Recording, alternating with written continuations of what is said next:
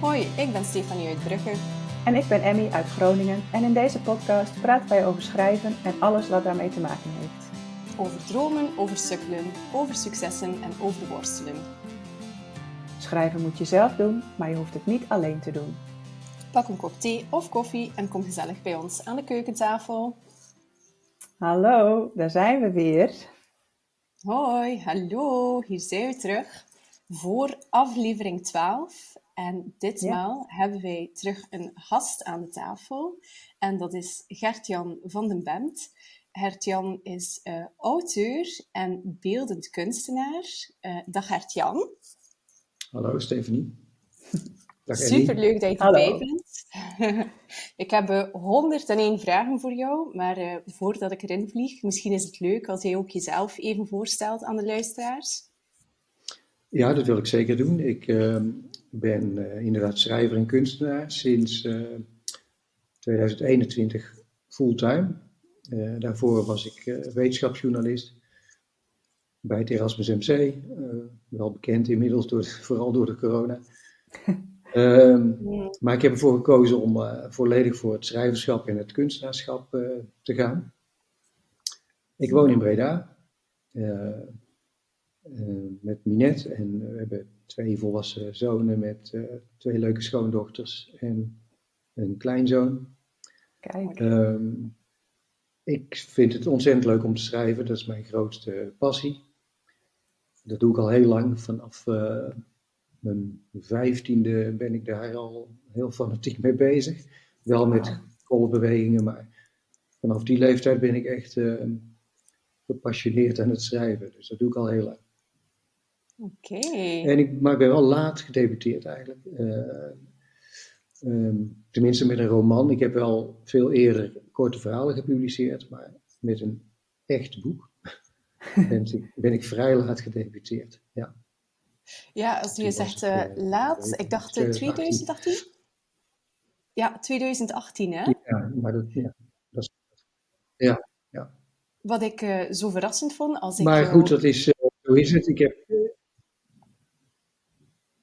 Er zat wat reus op, sorry. Ja, Wat ik zo verrassend vond als ik jouw website las, en dan zag ik inderdaad 2018, en nu zijn we 2022, en dan dacht ik, zo, daar staan al drie romans op de teller in een uh, voor mij zag het er heel korte tijd uit. Dus ik was benieuwd van, lagen die manuscripten al langer op de plank, ja of nee? En daarnet zei je dat je al van je 15 schreef. Dus nu vermoed ik dat er misschien al wat op de plank lag. En, uh, of, of toch niet, vergis ik mij. En heb jij die um, romans inderdaad in vier jaar tijd geschreven?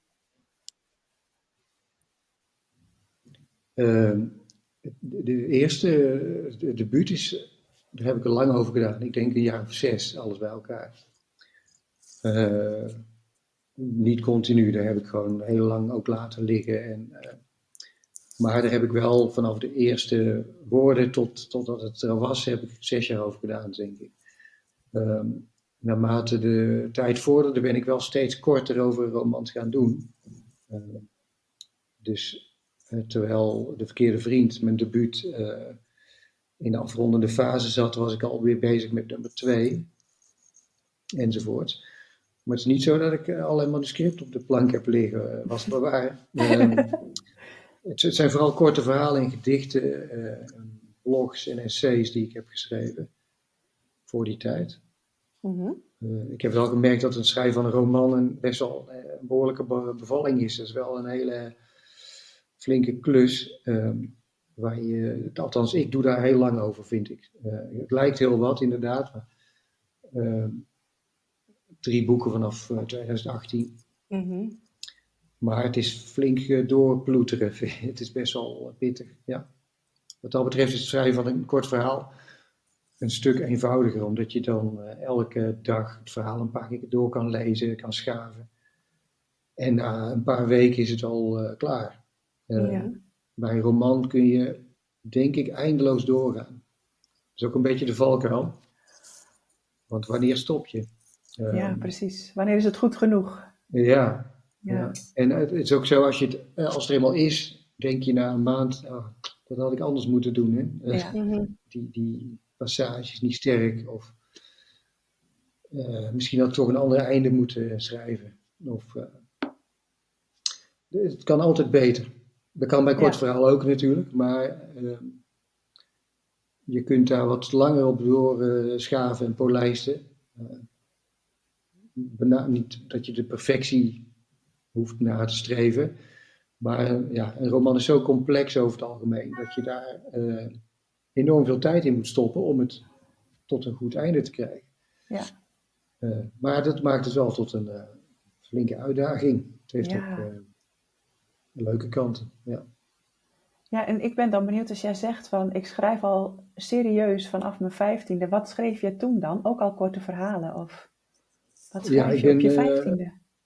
ja, dat waren korte verhalen en die waren uh, best wel heftig thematisch. Uh, Veel escapisme, dus mensen die uit hun sleur wilden hmm. ontsnappen. En dat is vaak nog wel een thema wat ik terug vind uh, komen. Ik ben eigenlijk toen ik 16 was door mijn docent van de middelbare school ontdekt, dus aanhangstekens, die zag bij een opstel dat ik kon schrijven. En die zei ook aan tegen mijn klasgenoten, zo moet het. Nou, dus ik, ik, kreeg, kreeg zo'n kop van schaamte dat hij dat deed. Ja. Maar daardoor ben ik wel heel actief uh, schrijven. daardoor is het wel aangewakkerd de, de behoefte om meer verhalen te schrijven.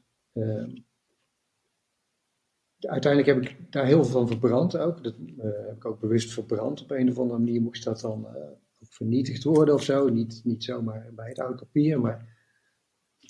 Uh, dus hele stapels verhalen zijn ook verloren gegaan, maar die waren ook niet goed hoor. Maar in die tijd had ik ook veel moeite om te begrenzen wanneer ik ophield met schrijven. Dus ik was op die leeftijd bijna geobsedeerd om schrijver te worden. Mm. Dus alles wat ik meemaakte stond in het teken van schrijven. Dus ik was altijd om me heen aan het kijken van, kan ik het gebruiken? Oh ja. Uh, ik kan me herinneren toen mijn vader, uh, toen ik 18 eh, was, kreeg mijn vader een hartinfarct. En toen ging ik hem opzoeken in het ziekenhuis. En toen dacht ik, alles wat ik nu zie moet ik goed kijken en onthouden, want dat kan ik gebruiken voor een verhaal. Ja. Nou, zo erg was het al. Dus ik ben er op een gegeven moment ook mee gestopt. ook omdat ik het heel druk kreeg toen met mijn opleiding. En, eh, ik werkte toen nog in de wetenschap, eh, wetenschappelijk onderzoek naar eh, kanker en osteoporose, de botontkalking. Mm. Ook bij het Erasmus MC. en dat heb ik twintig jaar lang onderzoek gedaan. En daarna ben ik wetenschapsjournalist geworden. Dus ging ik meer schrijven en daardoor ben ik ook weer meer fictie gaan schrijven. Mm. Maar ik heb het eigenlijk altijd wel erbij gedaan. Alleen de mate waarin variëren. Ja. Eh, maar nu heb ik de, mezelf de vrijheid gegund om uh, dat fulltime te doen. Ja, mm -hmm. ja, ja, mooi. En uh, dan fulltime, um, ja, dus jouw, jouw debuut is af, of um, jouw, manuscript, jouw eerste manuscript is af, en dan ga je op zoek naar een uitgever. Of had je al een uitgever uh, voordat jouw eerste manuscript af was? Nee, ik, uh, ik heb heel veel meegedaan aan wedstrijden in die tijd. Uh, allerlei mhm, schrijfwedstrijden. Dat vind ik ook wel een, een aanrader, denk ik, aan, aan mensen die uh, iets met schrijven willen bereiken. Omdat mm -hmm. je, althans, daar geloof ik nog wel steeds in, dat uitgevers gevoelig zijn hier voor... zijn we terug. We werden even onderbroken door de zeg maar, vorende buur van, van Emmy. dus ik haak even terug in op de laatste vraag. Dus, um, dus Hertjan, je ging in uh, eh, 2021 besloot je om fulltime voor het kunstenaarschap en het schrijven te gaan. Uh, maar daar komen nog wat stappen aan vooraf natuurlijk, want in 2018 debuteer jij. Um, maar ja, had jij toen al een uitgever of moest jij nog op zoek? Uh, nee, ik ben uh, heel fanatiek mee gaan doen aan uh, schrijfwedstrijden. Dat leek me een goed idee om onder de aandacht te komen van uitgevers. Nou ging dat niet vanzelf. Het is niet zo dat als je wint, dat je dan mailtjes krijgt van heb je iets liggen. Mm -hmm. Maar ik had meegedaan aan de Asper Award, genoemd naar Pieter Asper. Ja. Inmiddels overleden. In Vlaanderen een heel bekende thrillerschrijver. In Nederland, vreemd genoeg, een stuk minder bekend. Uh, die, heeft, of die had een schrijfwedstrijd elk jaar. Dan moest je een verhaal insturen van exact 1700 woorden. Dat is het quotum wat hij per dag uh, schreef. Uh, ik had meegedaan en uh, tijdens de boekenbeurs in Antwerpen kreeg ik de eerste prijzen uitgereikt. Ehm, dat was wel grappig, ik had liever de, de derde prijs gehad, omdat je dan een, een jaar lang gratis bier kreeg. Oh. en toen dacht ik van, daar kan ik weer een verhaal over schrijven van een, een schrijver die alcoholist wordt door de prijs. Uh, ja. Maar uh, ja, dit is maar een geintje natuurlijk. Ik was heel blij met die eerste prijs. Uh, daardoor kwam ik in, in, gesprek met de uitgeverij. En die vroeg, heb je iets liggen van een manuscript? En toen had ik de verkeerde vriend ongeveer af. Dus dat kwam heel goed uit. Uh, Zij zijn het gaan lezen en ze vonden het goed genoeg. En, dus zij hebben het uitgegeven. En zo ben ik bij Manto binnengekomen. Ja. En daar dus zit je nog altijd bij? Helpt het wel. En daar zit ik nog altijd bij. Ja. Mooi. Dus soms helpt het winnen van een prijs om ergens binnen te komen. Bovendien vind ik, dwingt het je heel serieus naar je eigen kwaliteiten en naar je schrijven te kijken. Ik, ik, ik, ben er wel van overtuigd dat het niet per se betekent dat als je niet wint, dat het niet goed is. Eh, nee. zo is het ook weer niet. Want je moet ook in de smaak vallen bij de jury. En die jury heeft, kan ook een slechte dag hebben, waardoor je er niet wordt uitgepikt. Ja. Maar je, je wordt gedwongen om heel secuur naar je werk te kijken. Eh, te schaven totdat het zo goed mogelijk is. Eh, dus je legt de lat voor jezelf wat hoger. Ik denk dat daarom eh, het heel goed is om mee te doen. Als je, als je er iets voor voelt. Als je er niks voor voelt, moet je dat natuurlijk helemaal niet doen. Als je een mm. beetje van competitie houdt, is dat een goed idee. Ja, het is een mooi parcours voor jou, inderdaad. Ik vind het wel mooi dat je zegt, um, als je van competitie houdt, dat je voelt je geroepen om het te doen, moet je het doen. Ik zelf doe soms mee met een schrijfwedstrijd, maar um, ik neem dat niet serieus genoeg, merk ik. Um, als ik jou hoor praten, ik weet dat ik soms denk, ah, wat heb ik liggen? en dan dien ik het net in. Dus het is uh, mooi wat je zegt. Ik zal in de toekomst terug wat scherper naar mijn eigen werk kijken. ik ga nog even terughaken ja. op... Ja, zeg maar. Ja, het, is, er zitten twee kanten aan. Je, je kan ook heel dicht bij jezelf blijven en schrijven wat je wil schrijven, want het is ook weer zo, door die wedstrijden ga je gericht naar zo'n wedstrijd schrijven. Als je ja. Mhm. wil winnen, ben je geneigd om uh, dat thema op te zoeken wat de jury interessant vindt, of waarvan je denkt dat de jury dat interessant vindt. Mhm. En dan loop je het risico dat je af gaat dwalen van wat je wil schrijven. Ja. Er zitten wel twee kanten aan. Je moet proberen een soort compromis te sluiten van wat je wil en wat, je, uh, wordt, wat ervoor wordt gevraagd in zo'n wedstrijd. Uh, maar als je dat uh, aantrekkelijk vindt, dan is het een goed idee, omdat het je kan helpen om bij een uitgeverij binnen te komen. Mensen zijn nu eenmaal gevoelig voor schrijvers die winnen, en dat geldt ook voor sporters en voor, eigenlijk voor alles mensen die winnen, die uh, staan meer in de spotlights. En het kan net een, een zetje zijn in de, in de goede richting. Ja, klopt. Uh, het is die balans tussen willen en moeten die zo belangrijk is dan als je meedoet met zo'n uh, wedstrijd. En ik ga even een bruggetje ja. maken naar iets wat je daar net zei. Um, dat je zo opgeslorpt werd um, als persoon. Door, vroeger, als je schreef, door alles wat rond jou gebeurde, dat je dacht bij alles, oh, ik wil dit gebruiken of ik kan dit gebruiken en ik moet dit neerschrijven. Um, en ik vroeg mij af, eigenlijk, als we over balans schrijven tussen, um, of over balans spreken, ja, je schrijft fictie, maar ik heb het gevoel dat er ook heel veel non-fictie in zit. Ehm, want die eigenschap van opgeslorpt worden door alles wat rond jou gebeurt en dat allemaal willen gebruiken, ik heb het gevoel, als ik het goed heb, dat dat ook een beetje is wat Branco overkomt in jouw laatste boek. Dat hij ook helemaal opgeslorpt wordt door die zoektocht, door die details. Dat hij in die zoektocht constant aan het schrijven is, dan boos wordt op zichzelf s'avonds van zo, ik heb niets nuttig geschreven, ik heb alleen maar informatie en details bijna een verslag, maar geen diep filosofische zinnen. Um, dus ja, die balans tussen fictie en non-fictie. En hoeveel is autobiografisch in jouw boeken? Dat vraag ik mij ook af. Mhm. Ik zie je al glimlachen. Um, ik gebruik zeker, ja, ik gebruik zeker autobiografische elementen. Eh, ik denk dat daar, daar kom je als schrijver niet onderuit, denk ik. Je, alles wat je meemaakt aan bagage, wat je bij je draagt, je opvoeding, eh, je interactie met vrienden, eh, collega's.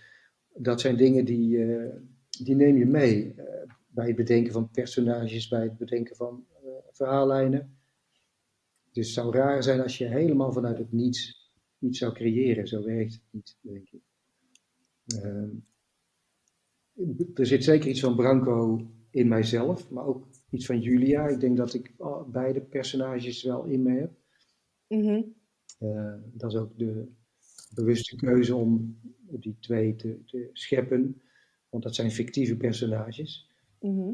Ehm, ik heb ze ook expres tegengestelde karakters gegeven: uh, man, vrouw, jong, oud.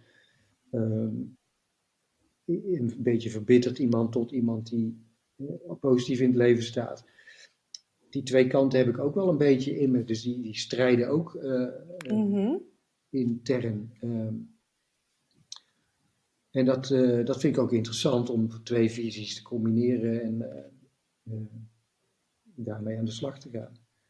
Um, maar het, ja, het is zeker zo. Ik, ik gebruik allerlei elementen uit mijn eigen le leven in mijn boeken. Ja. Ja, dus volgens mij ook de fotografie, toch? Want in Branko en Julia hebben foto's natuurlijk een hele belangrijke rol, maar ik zag ook dat in Verkeerde Vriend en na de val ook uh, fotografen of foto's een, een belangrijke rol spelen. Ja, fotografie en kunst uh, in het algemeen uh, speelt een belangrijke rol, en zeker fotografie. Ja. omdat in onze beeldcultuur fotografie ontzettend belangrijk is. Veel belangrijker dan schilderijen natuurlijk. Ehm, wij beschouwen foto's als ehm, bewijzen van de waarheid. Hè, dat een foto is, is een teken dat het gebeurd is. Terwijl we ook weten dat foto's heel makkelijk gemanipuleerd kunnen worden. Ik zag uh, vandaag een foto van uh, de rode duivels die uh, gemanipuleerd zijn tot de witte duivels. omdat ze het niet echt heel goed doen met het wereldkampioenschap. Maar dat is fantastisch goed gedaan, waardoor je, dan zie je dus alle spelers, die zijn dan gefotoshopt tot mannen van middelbare leeftijd. en uh, dat is, nou ja, als je dat niet beter weet, dan, eh, dan zou je die foto gewoon uh, geloven. Ja.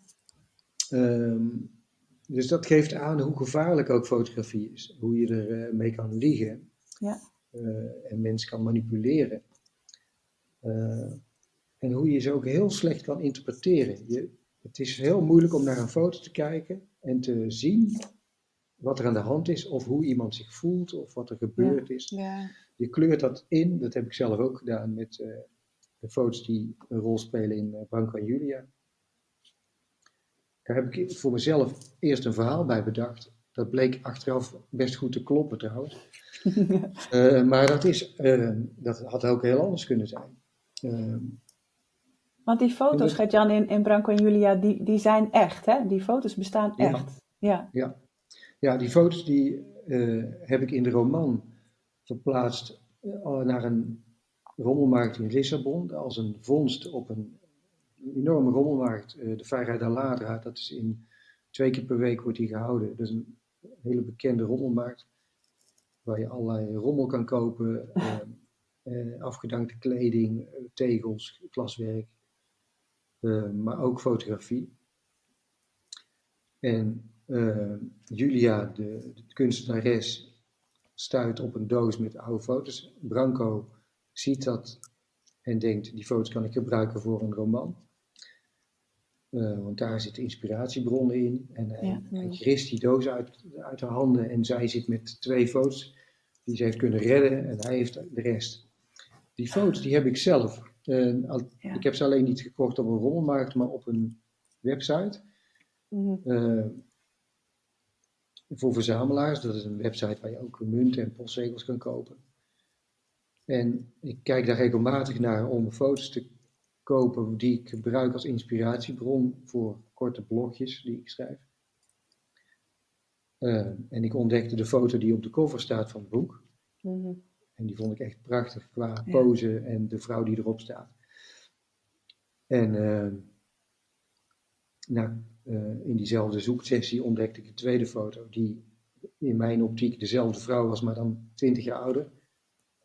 in de loop van de tijd heb ik bij diezelfde handelaar een enorme collectie aangelegd. Het heeft uh, meer dan een jaar geduurd voordat ik daar meer dan 400 foto's heb verzameld. Zo. Dus ik heb vrijwel heel haar fotocollectie van die vrouw gekocht. En toen was het zo'n obsessie dat ik dacht, ik wil weten wie dat was en wat er aan de hand is. En uh, dat heeft me gedwongen om uh, heel veel onderzoek te doen en zelfs naar de Atlantische kust te rijden ja. waar die vrouw op de foto heeft gewoond, om uit te zoeken wat daar gebeurd is. Heel bijzonder. Ja, en dat, nou ja, goed, dat hele verhaal, die hele zoektocht, heb ik, die was toen klaar. Dan kun je twee dingen doen. Je kan daar een feitelijk verslag van maken. Maar dat vond ik niet zo interessant. Ik vond eigenlijk de zoektocht en wat dat uh, voor mij als beschrijver doet, ja. interessanter. En uh, daarom heb ik dat, die zoektocht en de, de strijd om indrukken te verwerken tot een roman, hoe je, hoe je dat doet en wat dat allemaal teweeg brengt, dat is het, in feite het thema. En, uh, ook de afstandelijke Branco die niet positief in het leven staat, die achterdochtig is, die misschien wel een hekel heeft aan mensen, altijd uit is op geld, mm. geld verdienen, die dan wordt gekoppeld aan Julia, die daar heel anders in, in staat. En door die gezamenlijke reis, die hen eigenlijk wordt opgelegd, die, uh, waar ze zelf niet voor gekozen hebben, die uh, uh, brengt hen dichter bij elkaar. En dat vind ik interessant, dat ze door zoiets onbenulligs als een verzameling foto's naar elkaar toe groeien. Ja. Ik zeg niet dat het een liefdesverhaal is, maar het zit wel een beetje in die richting ze, ze vormen toch, uh, of er ontstaat toch heel veel affectiegenegenheid van de een voor de ander, uh, merk je. Waar ze eerst toch wat haaks tegenover elkaar staan, merk je die samensmelting op een of andere manier toch van uh, ja, genegenheid voor elkaar. Um, ja. Ehm, je zei dat net, dat je dan nadenkt van oké, hoe ga ik dit in een roman gieten, dit verhaal of deze boodschap die ik wil brengen. En dan kies je om alternerend te gaan schrijven. Um, ja, ik vond dat heel fascinerend dan, uh, vanuit het hoogpunt van iemand die in de opleiding schrijven zit.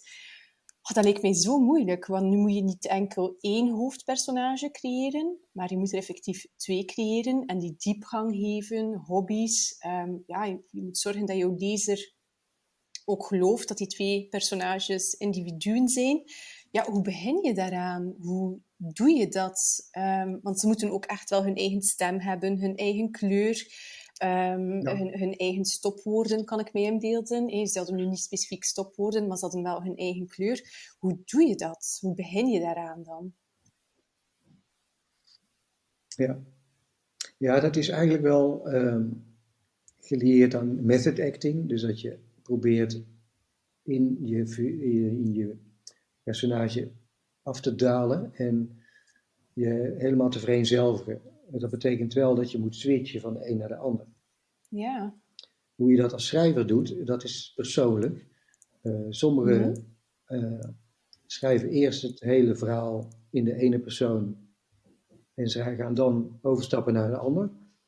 Er zijn er ook bij die alternerend switchen en uh, proberen antwoord te geven en te reflecteren op wat de ander, het andere personage heeft gedaan of gezegd of gedacht. Uh, bij mij is het een beetje een, een crossover tussen die twee. Het is niet zo dat ik het hele verhaal eerst als Branko heb geschreven en toen Julia. Mhm. Het is ook weer niet zo dat ik echt letterlijk om en om heb geschreven. Het had te maken met de flow uh, waarin ik zat. Uh, als ik in een, in een Branco flow zat, dan kon ik wel eens een paar hoofdstukken doorschrijven en dan zat oh, ja. ik in een Julia flow en dan ging was Julia verder. Het heeft met je stemming te maken, um, met je inlevingsvermogen. Je moet inderdaad echt denken als Julia of denken als Branco.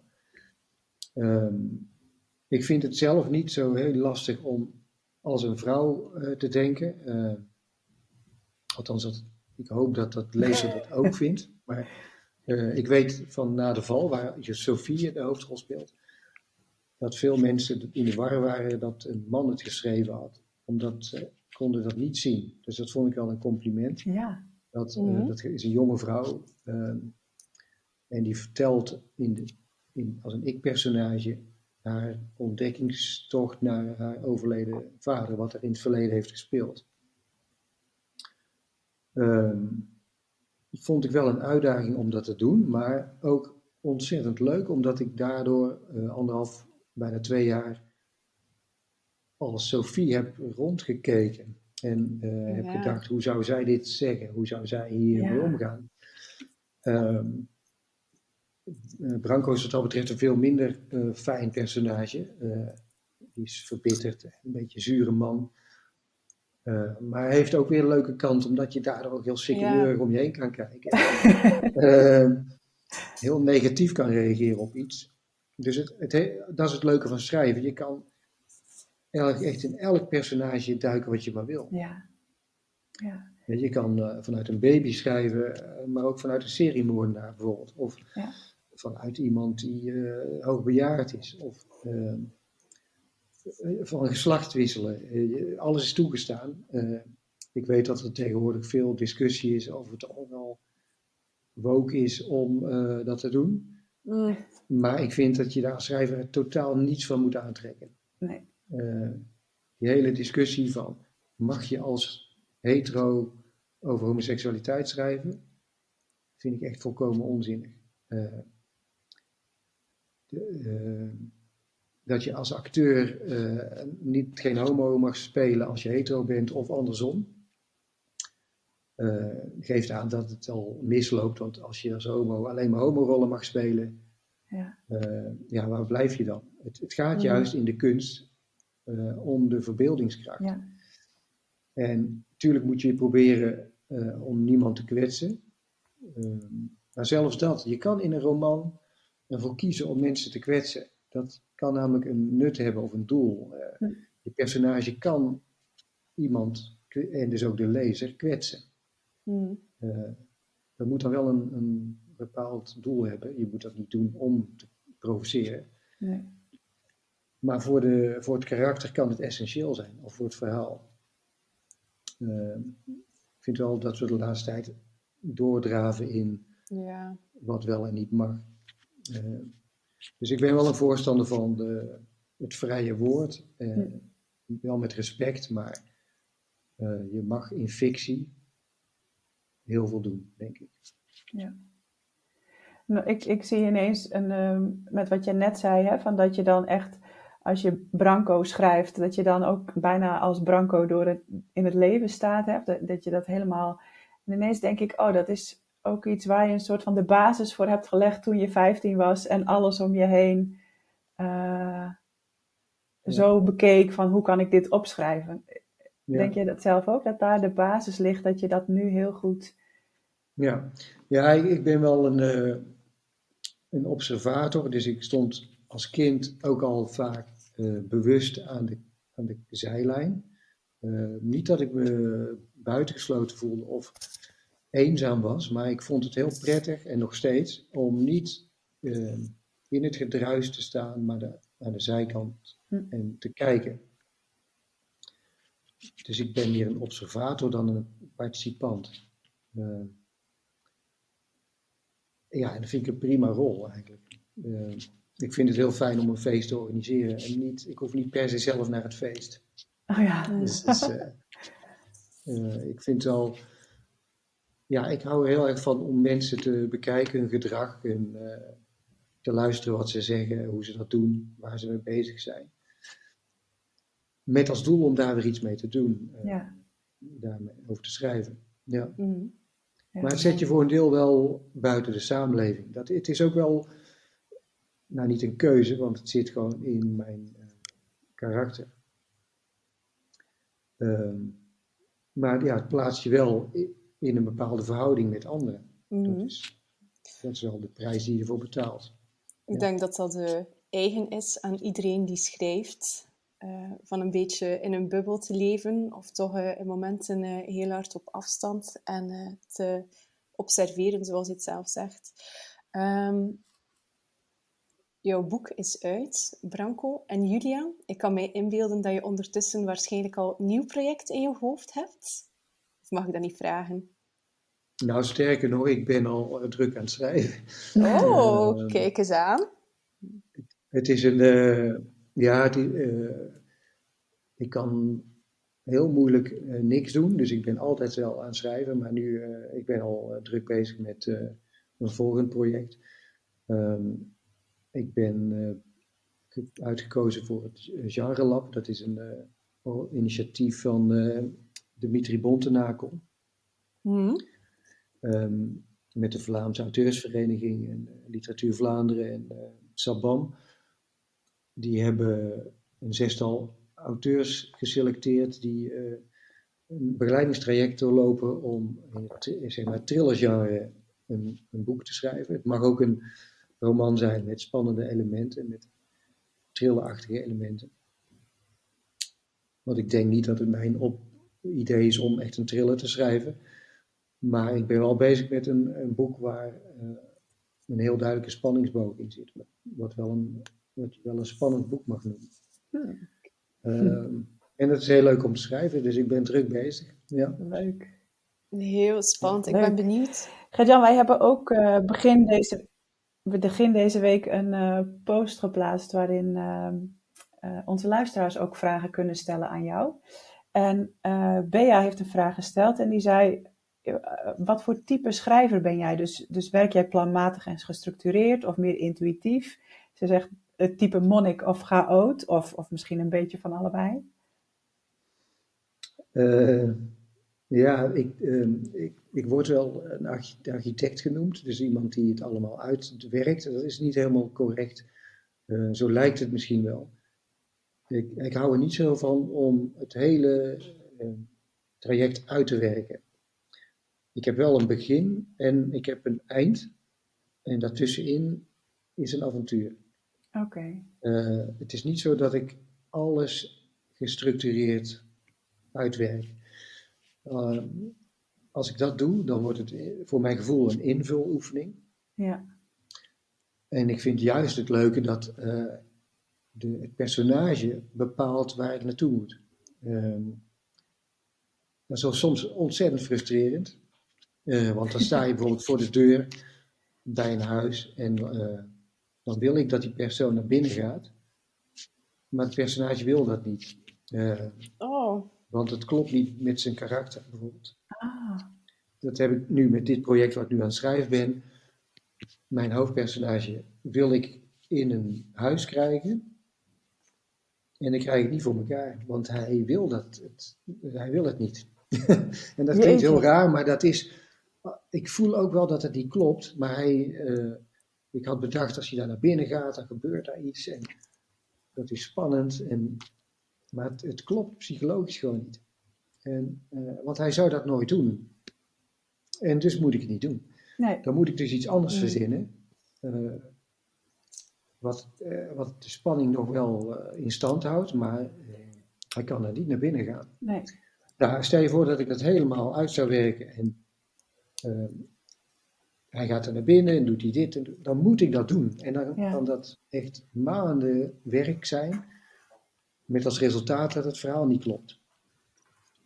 Omdat, het, eh, omdat niemand het gelooft. Nee, precies. Uh, maar zo concreet kan het dus zijn dat je personage bepaalt wat er wel en niet gebeurt. Ja, dat hij echt, dat, je voor, dat je hem voor een deur neerzet en dat hij weigert naar binnen te gaan. Ja, Ja, ah, ja dat is echt bijzonder. Ja. ja, en bij Branko en Julia was het dus ook zo. De, ik stuurde Branko op reis om uit te zoeken wie de vrouw op de foto was en waar ze, wat voor leven ze geleid had. Hmm. Daar komt hij bijna achter, maar niet helemaal. Uh, bij Branko Julia uh, heeft Branko ook heel erg gedicteerd wat, wat er ging gebeuren. Uh, ik wilde hem op reis sturen naar de Atlantische kust van Frankrijk om te ontdekken wat er met de vrouw op de foto gebeurd was. Ehm, maar in de praktijk ging dat niet helemaal zoals ik dat gepland had. En dus moest hij daar een andere oplossing voor verzinnen. Uh, hij bepaalde het verloop van de roman, uh, wat, wat, zijn personage betreft. en Julia deed dat wat haar personage betreft. Ja.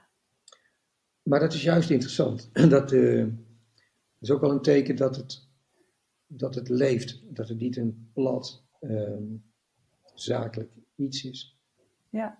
ja, want jij zegt, hè, ik, ik wil dat niet helemaal uitwerken. Ik weet dat er schrijvers zijn die dat wel doen. Hè? Die schrijven al per hoofdstuk welke scènes erin moeten en wat er dan allemaal precies gebeurt. En ja, ik schrijf ook niet zo, maar ehm, jij zegt ook van ja, dan wordt het een soort invuloefening. En ik vind dat je dat mooi hebt um, verwoord. Want dat is ook, als ik mensen hoor praten over hoe ze dat dan zo doen, wat voor iemand anders gewoon heel goed kan werken, hè, dan dan voelt dat voor mij ook zo. Dat je, ja, maar wat is dan nog het schrijven eraan als je, als je alles al op papier hebt? Aan de andere kant is het natuurlijk ook zo dat het het schrijven wel een stuk makkelijker maakt. Want als je echt begint te schrijven, hoef je niet meer na te denken over plotwendingen of ehm, eh, ga ik nu naar links of ga ik nu naar rechts. Dat weet je dan ja. al. Ja, nou, ik denk dat de belangrijkste conclusie is dat je het moet uitzoeken wat voor jou het beste werkt. Ja. Ehm, het is niet zo dat de, het helemaal uitschrijven en plannen van je traject beter is dan zomaar beginnen. Nee. Uh, ik vind het wel risicovol om zomaar te beginnen zonder dat je weet waar je naartoe gaat. Ja. Als je, dat, als je zo'n schrijver bent, wordt het meestal een probleem, omdat je gaat verzanden in uh, trajecten waar je geen idee hebt waar je naartoe moet ja. Je, voor mijn gevoel is het verstandig dat je weet, dat is waar ik naartoe wil. Dat is een eindpunt. Ja. Dat kan uh, redelijk vaak zijn, maar je, het heeft niet zoveel zin om zomaar te beginnen en te kijken waar je uitkomt. Dan heb je een boek van 3000 uh, eh, of van 300.000 woorden. uh, wat, wat niemand wil kopen, omdat het, en ook niemand wil uitgeven, omdat het gewoon te, te dik en te duur is. En, ja. Ehm, dus je moet je beperken. Maar ik, ik ben met je eens, als je geen type bent die om kan gaan met een helemaal uitgeschreven traject, moet je dat niet doen. Ook al is het nog zo verstandig. Maar het is een, dat is een rationele aanpak. En schrijven is voor een groot deel ook emotie. Ja. En niet alleen maar ratio. Dus het is, uh, het is verstandig om uh, voor jezelf uit te vinden wat goed werkt. Ja. En, daaraan, en dan nog, of je het nou volledig uitschrijft of je gaat zomaar beginnen. Uh, je zal vroeg of laat altijd op een punt komen dat het niet lukt. Uh, ja, dus het is uh, het helemaal uitschrijven, het helemaal uitstippelen van je project of zomaar beginnen, is in beide gevallen een persoonlijke aangelegenheid. En je moet het gewoon uitzoeken wat voor jou het beste werkt.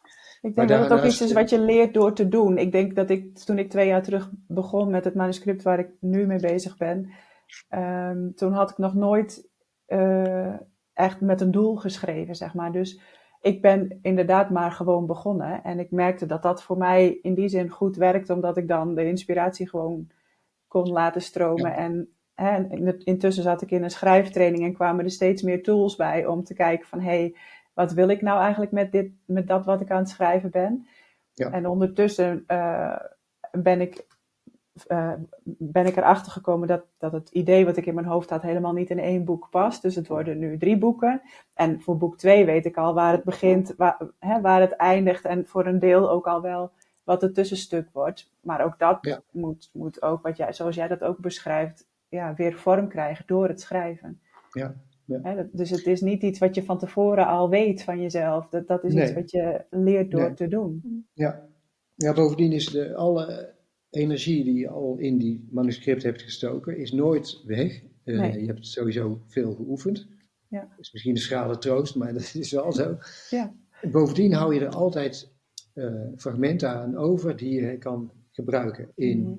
of het eerste manuscript of in een volgend manuscript. Ja. Uh, ik schrijf ook wel eens passages die ik uh, uiteindelijk eruit gooi, maar wel bewaar, want je weet nooit, ooit kan dat weer van pas komen. Ja. En soms hoef je alleen maar de namen te veranderen of een kleine situatie. En je kan zo'nzelfde fragment gewoon hergebruiken in een ander manuscript. Ja.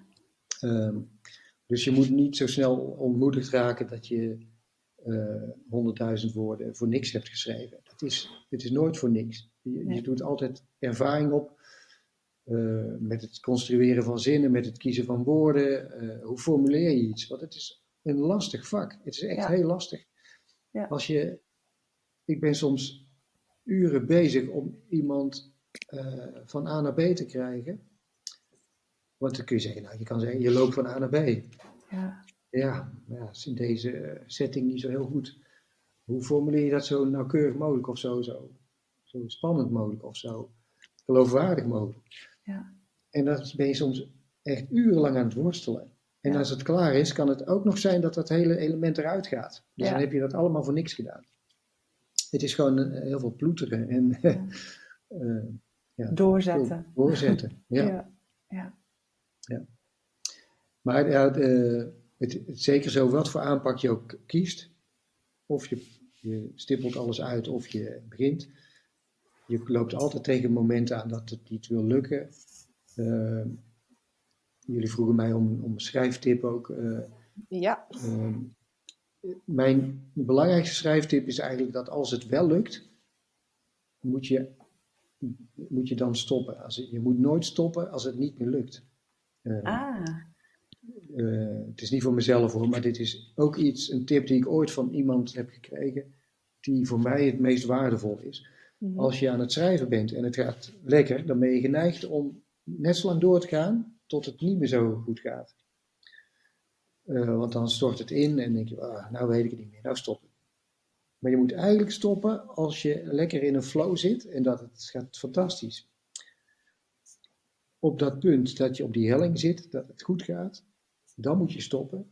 Want dan de volgende dag lees je het, dat stukje wat je aan vooraf ging uh, hebt geschreven, en pik je dat naadloos op.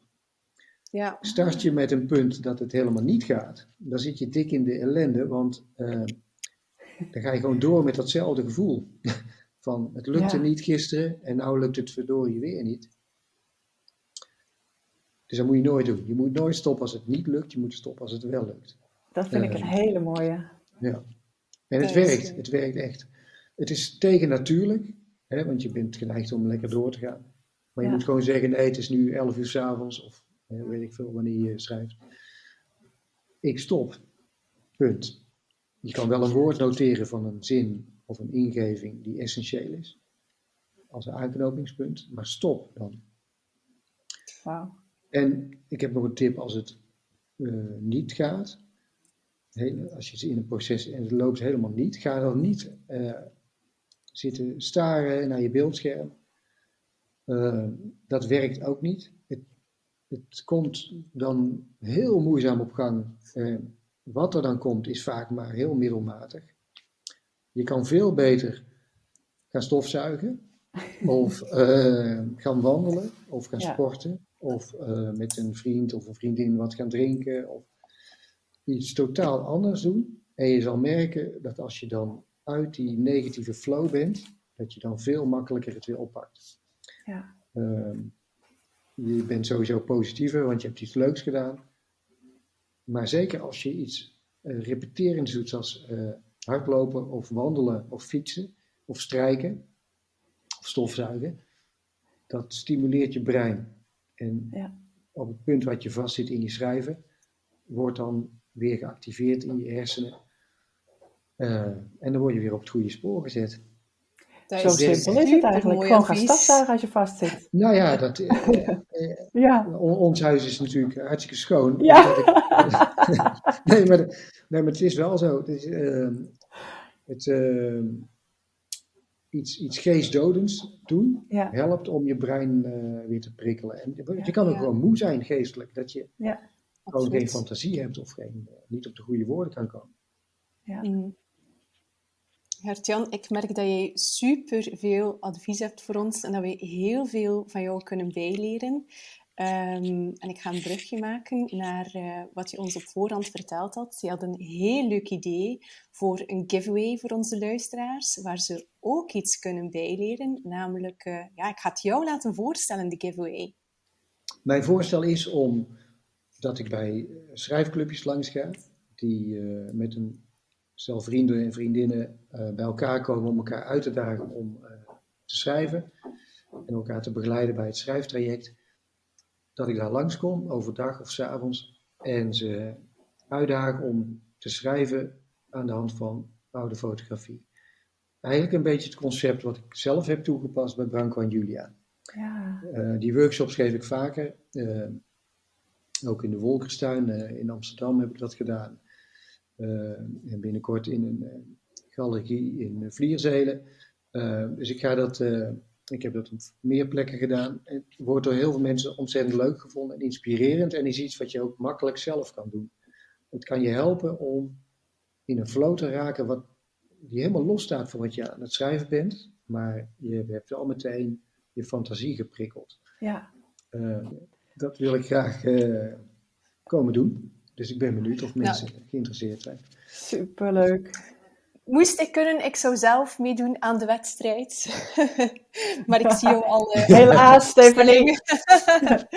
nee, Emmy en ik gaan uh, een post maken uh, over deze giveaway, waarop jullie kunnen reageren. En dan wordt er een winnaar geloot. Ja, Hertjan, super dankjewel ja. voor die mooie giveaway. Uh, ook om hier te gast te zijn bij ons. Uh, heel waardevol. Dankjewel. Heel veel nieuwe inzichten. Ik heb hier superveel uh, tips opgeschreven, ook voor mijzelf. En waarvan ik zeker ben dat ze ook de luisteraars zullen dienen. Dus dankjewel daarvoor. Ja, heel leuk dat ik door jullie te gast mocht zijn. Echt superleuk. Dankjewel. Oké. Okay. Even voor onze luisteraars. Dus er komt ehm, vandaag een post online over uh, de giveaway. Reageer daarop als je wil meedoen en dan uh, kiezen wij een winnaar. Uh, en natuurlijk leuk dat je weer geluisterd hebt. Als je onze podcast leuk vindt, kun je ons helpen door een review te schrijven of een beoordeling te geven. Vijf sterren of zo. Daardoor komen wij hoger in de lijsten en help je nieuwe luisteraars om ons te vinden. Deel de podcast ook gerust in je netwerk of op social media en tag ons dan even. Wij vinden het superleuk om te weten wie je luistert. Heb je vragen of is er een onderwerp waar jij onze mening of ervaringen over wil horen? Of is er iemand die je graag als gast in Schrijfplaats wil horen? Laat het ons dan weten. Dat kan via Instagram, at underscore Insta en at Emmy de Vries. Oké, okay, tot volgende week.